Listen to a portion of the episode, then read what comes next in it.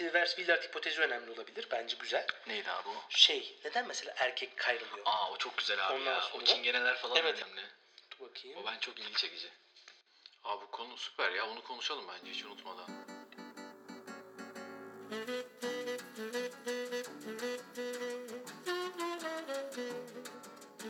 Merhaba herkese. Cengiz ben. Ee, Yanımda Burçin abi var. Burçin abi hoş geldin. Hoş bulduk Cengiz. Ee, şimdi istismardan biraz devam ediyoruz. Senin bahsettiğin 3 tane teori vardı. Ee, onun bir tanesini konuştuk. Kabaca. Diğer ikisini konuşacağız. Burada benim ilgimi çeken şeyler var işte. Biraz kardeş kavgası, kardeş kıskançlığı niye olur? Yani erkek çocuk niye önemlidir, kadın niye önemlidir? Çocukların arasındaki cinsiyet ayrımı niye önemli? Kültürlerde bu nasıl değişiyor? Bunun evrimsel bir kökeni var mı? Mesela bizim toplumda belki erkek çocuk biraz daha kıymetli. Özellikle bu feodalitenin hüküm sürdüğü yerlerde. Aa, Ama Çoğu modern toplumda öyle Çoğu aslında. modern toplumda Evet. Yani ya da en azından daha önemli burada. Daha az önemli ama önemli. Önem herhalde. Önemi miktarı değişiyor. Peki ya bugün kaldığımız yerden devam edelim. Ee, hangi teoriyi bugün masaya yatırıyoruz? e,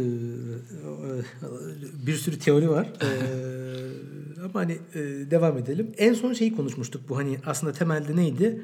Gen merkezli bakış, e, kapsayıcı uyumluluk teorisi ve buna bağlı olarak da Trivers'in tanımladığı işte çok temel psikolojik fenomenler. Bir önceki sefer ebeveyn yatırım teorisini konuşmuştuk. E, yani ebeveynin çocuklarıyla olan ilişkisi.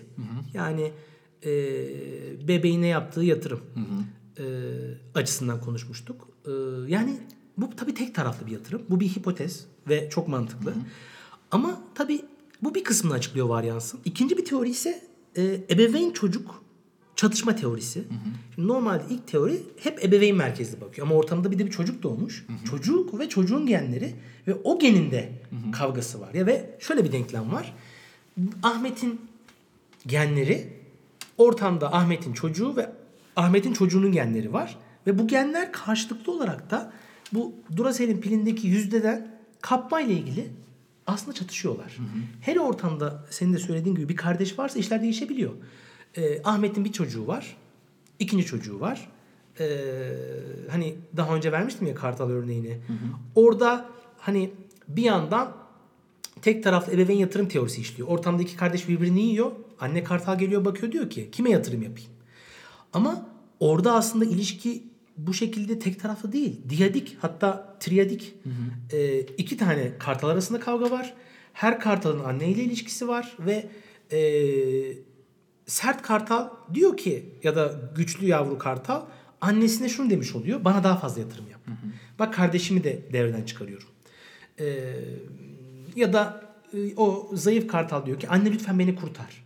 Bunu Osmanlı'ya bağlayacağız mı abi? Nasıl? Osmanlı devletine Bilmem bağlı. bağlayabiliriz. Nasıl bağlayalım? İşte şehzadelerin birbirini Tabii çok e, harika. Evet aslında o. Yani e, her şeyi açıklıyor diyorum yani. Onu da açıklıyor aslında. Ee, Tabii abi şimdi bu evrimsel pek çok mekanizma devam için avantaj sağlamaya çalışıyor. O da işte devletin devamlılığı için. Hani biz diyoruz ya işte gen merkezli bakış birey önemli değil. İşte hükümdarlık önemliyse Doğru. kardeşini ortadan kaldırıp tek kişiyle Tabii. e, işte o riskleri ortadan azaltıp belki de Aslında tam olarak şey değil mi? Kardeş katlinin vacip olması vesaire bir çeşit hani çocuk ve istismar aslında. o zaman fetvayı veren Hamilton Hamilton görüşlerini hissetmiş olabilir. Ama aslında muhtemelen modernite öncesinin e, fikirleri o kadar kıymetsiz değil biliyor musun Cengiz? Yani hep bir şey vardır ya modern dünya yani e, hümanizma e, her zaman için tabii ki ya da modern dünya görüşü eskiyi değilleyerek var olmuş ama geçmişin içgörüsü e, çok kıymetsiz değil. Yani bu yine aynı şekilde o arpa 30 saniyede bir verilen uyarı var ya hak vermiyoruz ama bu bir içgörü aslında. Yani orada o dinamikler bir şekilde işliyor. Ee, muhtemelen aynı buradaki gibi orada da işliyor. Ne diyebiliriz? Ebeveyn burada tabii ne yapıyor? Çocuk ve ebeveyn bir çatışma içine giriyor. Ve çocuk annesinden daha fazla almasını istiyor. Hani klasik vardır ya şimdi mesela şımarık çocuk diyoruz. Ebeveyne verdiği kadar veriyor. Ebeveyn ver, veriyor. Daha fazlasını veriyor ama çocuk bir türlü tatmin olmuyor. Muhtemelen burada bir Tahterevalli'nin tabii ki bu çağda hep diyoruz ya şımarık çocuk tırnak içinde. Çünkü bu teoriye göre sonsuz bir şekilde ben eğer küçük bir çocuksam isteme eğilimi içindeyimdir. Çünkü doğada sonsuz bir kaynak yok. Ee, ben koparabildiğim kadar koparacağım. Ebeveyn de bana verebildiği kadar verecek. Ama kardeş varsa daha az verecek. Çok kardeş varsa daha da az verecek. Tek çocuksam daha çok verecek. Ee, diye düşünebiliriz. Hani bu mesela Avrupa'daki insanların daha az çocuk sahibi olması ya da Türkiye'de işte bu Suriye e, göçmen probleminde diyorlar ya çok fazla yürüyorlar. Bunların hepsi aslında evrimsel psikoloji prensipleriyle anlaşılabilir. Şimdi yine aklıma bir şey geldi. Yine bu kültürel psikozlarla ilgili bu iki insanları işte abi bu savaş kıtlık döneminde e, herkes işte anne baba aile kim ne bulursa kendi yiyor. Mesela çocuğuna vermiyor. E, işte karısına vermiyor. Çocuklar kendi kendilerine bir şekilde şey yapmaya çalışıyor. Sonra aileler gruplaşmıyor. Yaş grupları gruplaşıyor.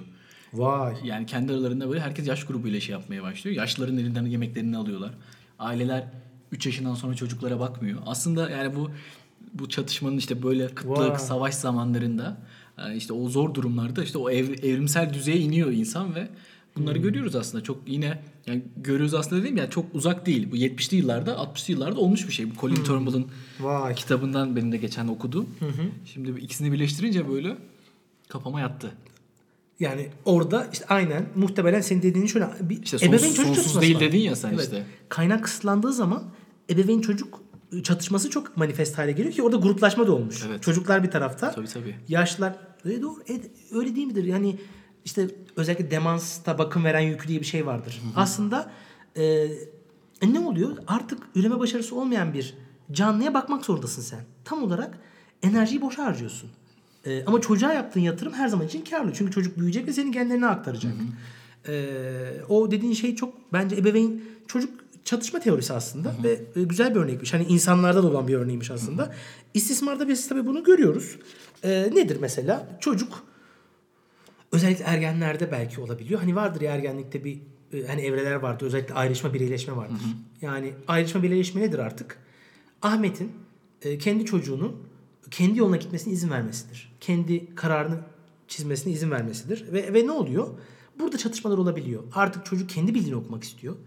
Ahmet ise bunu bilmiyor ve acaba diyor ki işte çocuğu da Ayşe olsun. Ayşe yanlış bir şey yapar mı? Gibi düşünebiliyor Ee, ve e, nedir? Onu kısıtlamaya çalışıyor. Kendini ortaya koymamaya koymasına izin vermemeye çalışıyor.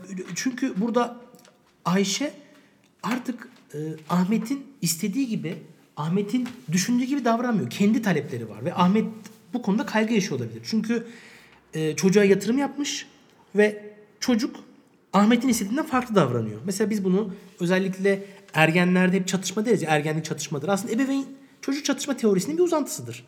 Ya da şunu söyleyebilirim hani e, kardeşler arası kavga. E, nedir mesela? Ortamda tek bir oyuncak var.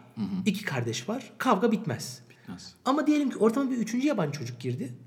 Aslında o kavga daha çabuk yatışır. Yani iki kardeş varsa dışarıdakine gitmesindense içeride kalmasını. İşte bunlar hep o bizim ebeveyn çocuk çatışma teorisindeki hani dinamiklerin yansıması diyebiliriz. Aklıma şey geldi. Hani sen bu podcast'e girerken ilk söyledin. Ee, hani cinsiyet tercihi e, ile ilgili. Normalde şudur aslında hani çok erkek egemen bir toplumda yaşıyoruz. Hani belki bu söylediklerimi de feministler severler Ee, ya da hoşlarına gidecektir. Genelde tam tersi olur çünkü. hani çok heteroseksisttir ya evrimsel psikoloji dili. Normalde aslında erkeğin kıymetliliği tırnak içinde çok problematik ve yeni bir şey aslında. Normalde hep vardır ya tanrı figürleri aslında. Değil mi? Bu e, modern toplum modern toplum diyorum. Daha da bu tarım toplumu öncesi dönemlerde, antik toplum öncesi dönemlerde hep kadın kıymetli aslında. Erkek hep ikincil. Ee, ya da Amazonlar filan. Bence de şimdi kadın kıymetli de. Ee, doğru ama hani şey değer açısından belki bunu söylemek gerekir. Ebeveyn çocuk e, çatışması merkezli baktığımız zaman e, doğada hani bunu klasik biliriz ya aslında biraz dağıtıyorum belki ama mesela erkekler hep daha dirençsizdir. Arı kolonisinde erkekler her zaman daha kıyıdadır. Erkeğin bir sürü e, doğadaki canlıdaki tek fonksiyonu üreme başarısını ya da üreme davranışını gerçekleştirip işte sahneden çekilmedir. E, aslında erkeğin güçlülüğü e, biyoloji dünyasında birkaç tane canlıya özgü. Yani bir, aslında Homo sapiens için e, çok çok kısıtlı bir dönem için geçerli diyebiliriz. Doğada kadın daha aslında kıymetli. E, bununla ilgili tabii bir evrimsel hipotez var. Travers-Willard hipotezi diyor. Bu tabii biraz şöyle. Canlıların ortama göre e, tercih edecekleri yavruyu belirleme ihtimalleri var. E, yani özellikle yanlış hatırlamıyorsam fareler için geçerliydi. kadın dişi daha dirençli, daha güçlü olduğu için zor durumlarda dişilerin var olması eğer işte Ahmet'in avantajındaysa e, dişi yavruları e, destekleme, dişi yavruları kayırma eğiliminde oluyor. E, yani eğer tarım toplumunda değilsek doğada kadın kıymetli.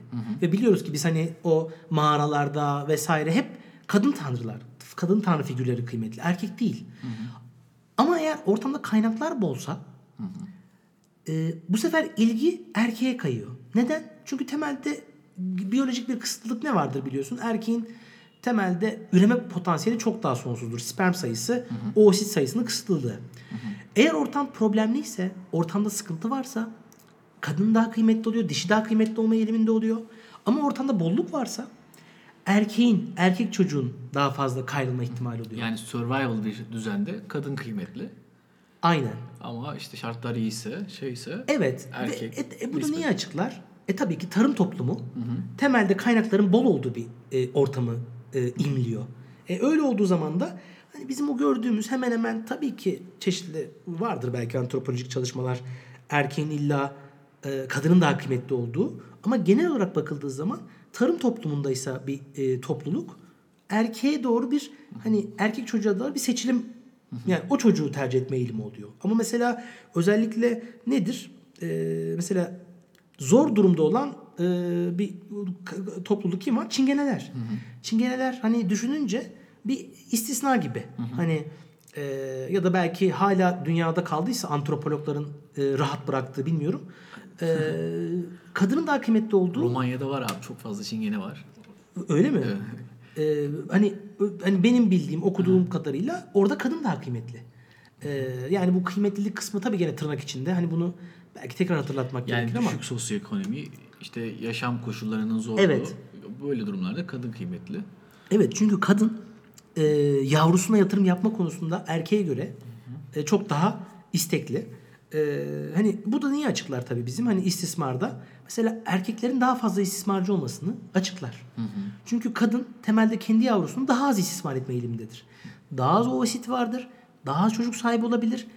Erkeklere göre daha şiddet uygulayabilir. Temelde erkek işte bir önceki o işte üreme olanağına ulaşım açısından olabilir. Ya da çok e, partnerle çiftleşerek çok fazla çocuk sahibi olma ihtimalinden dolayı daha fazla şiddet uygulayabilir. Tabii üreme yaşı daha ileri yaşta da olabiliyor. Aynen. Erkek o yüzden avantajlı üreme konusunda. Evet, O yüzden evet. yeni bir yani tohum mu bende diyor ya. Yenisini yine yaparım. Aynen öyle. Düşüncesiyle. Ve bu yüzden erkekleri biz tabii fenotip olarak ne görüyoruz insan davranışlarında? Erkekler daha kaba, daha sinirli, çocuğa karşı daha tahammülsüz. Tam tersi klasik nedir? İşte anne, cennet annelerin ayağının altındadır. Tabii, tabii. E, e, çünkü bu, bu temelde bu var. Annenin oosit sayısı sınırlı ve çocuğuna tabii ki daha fazla yatırım yapacak.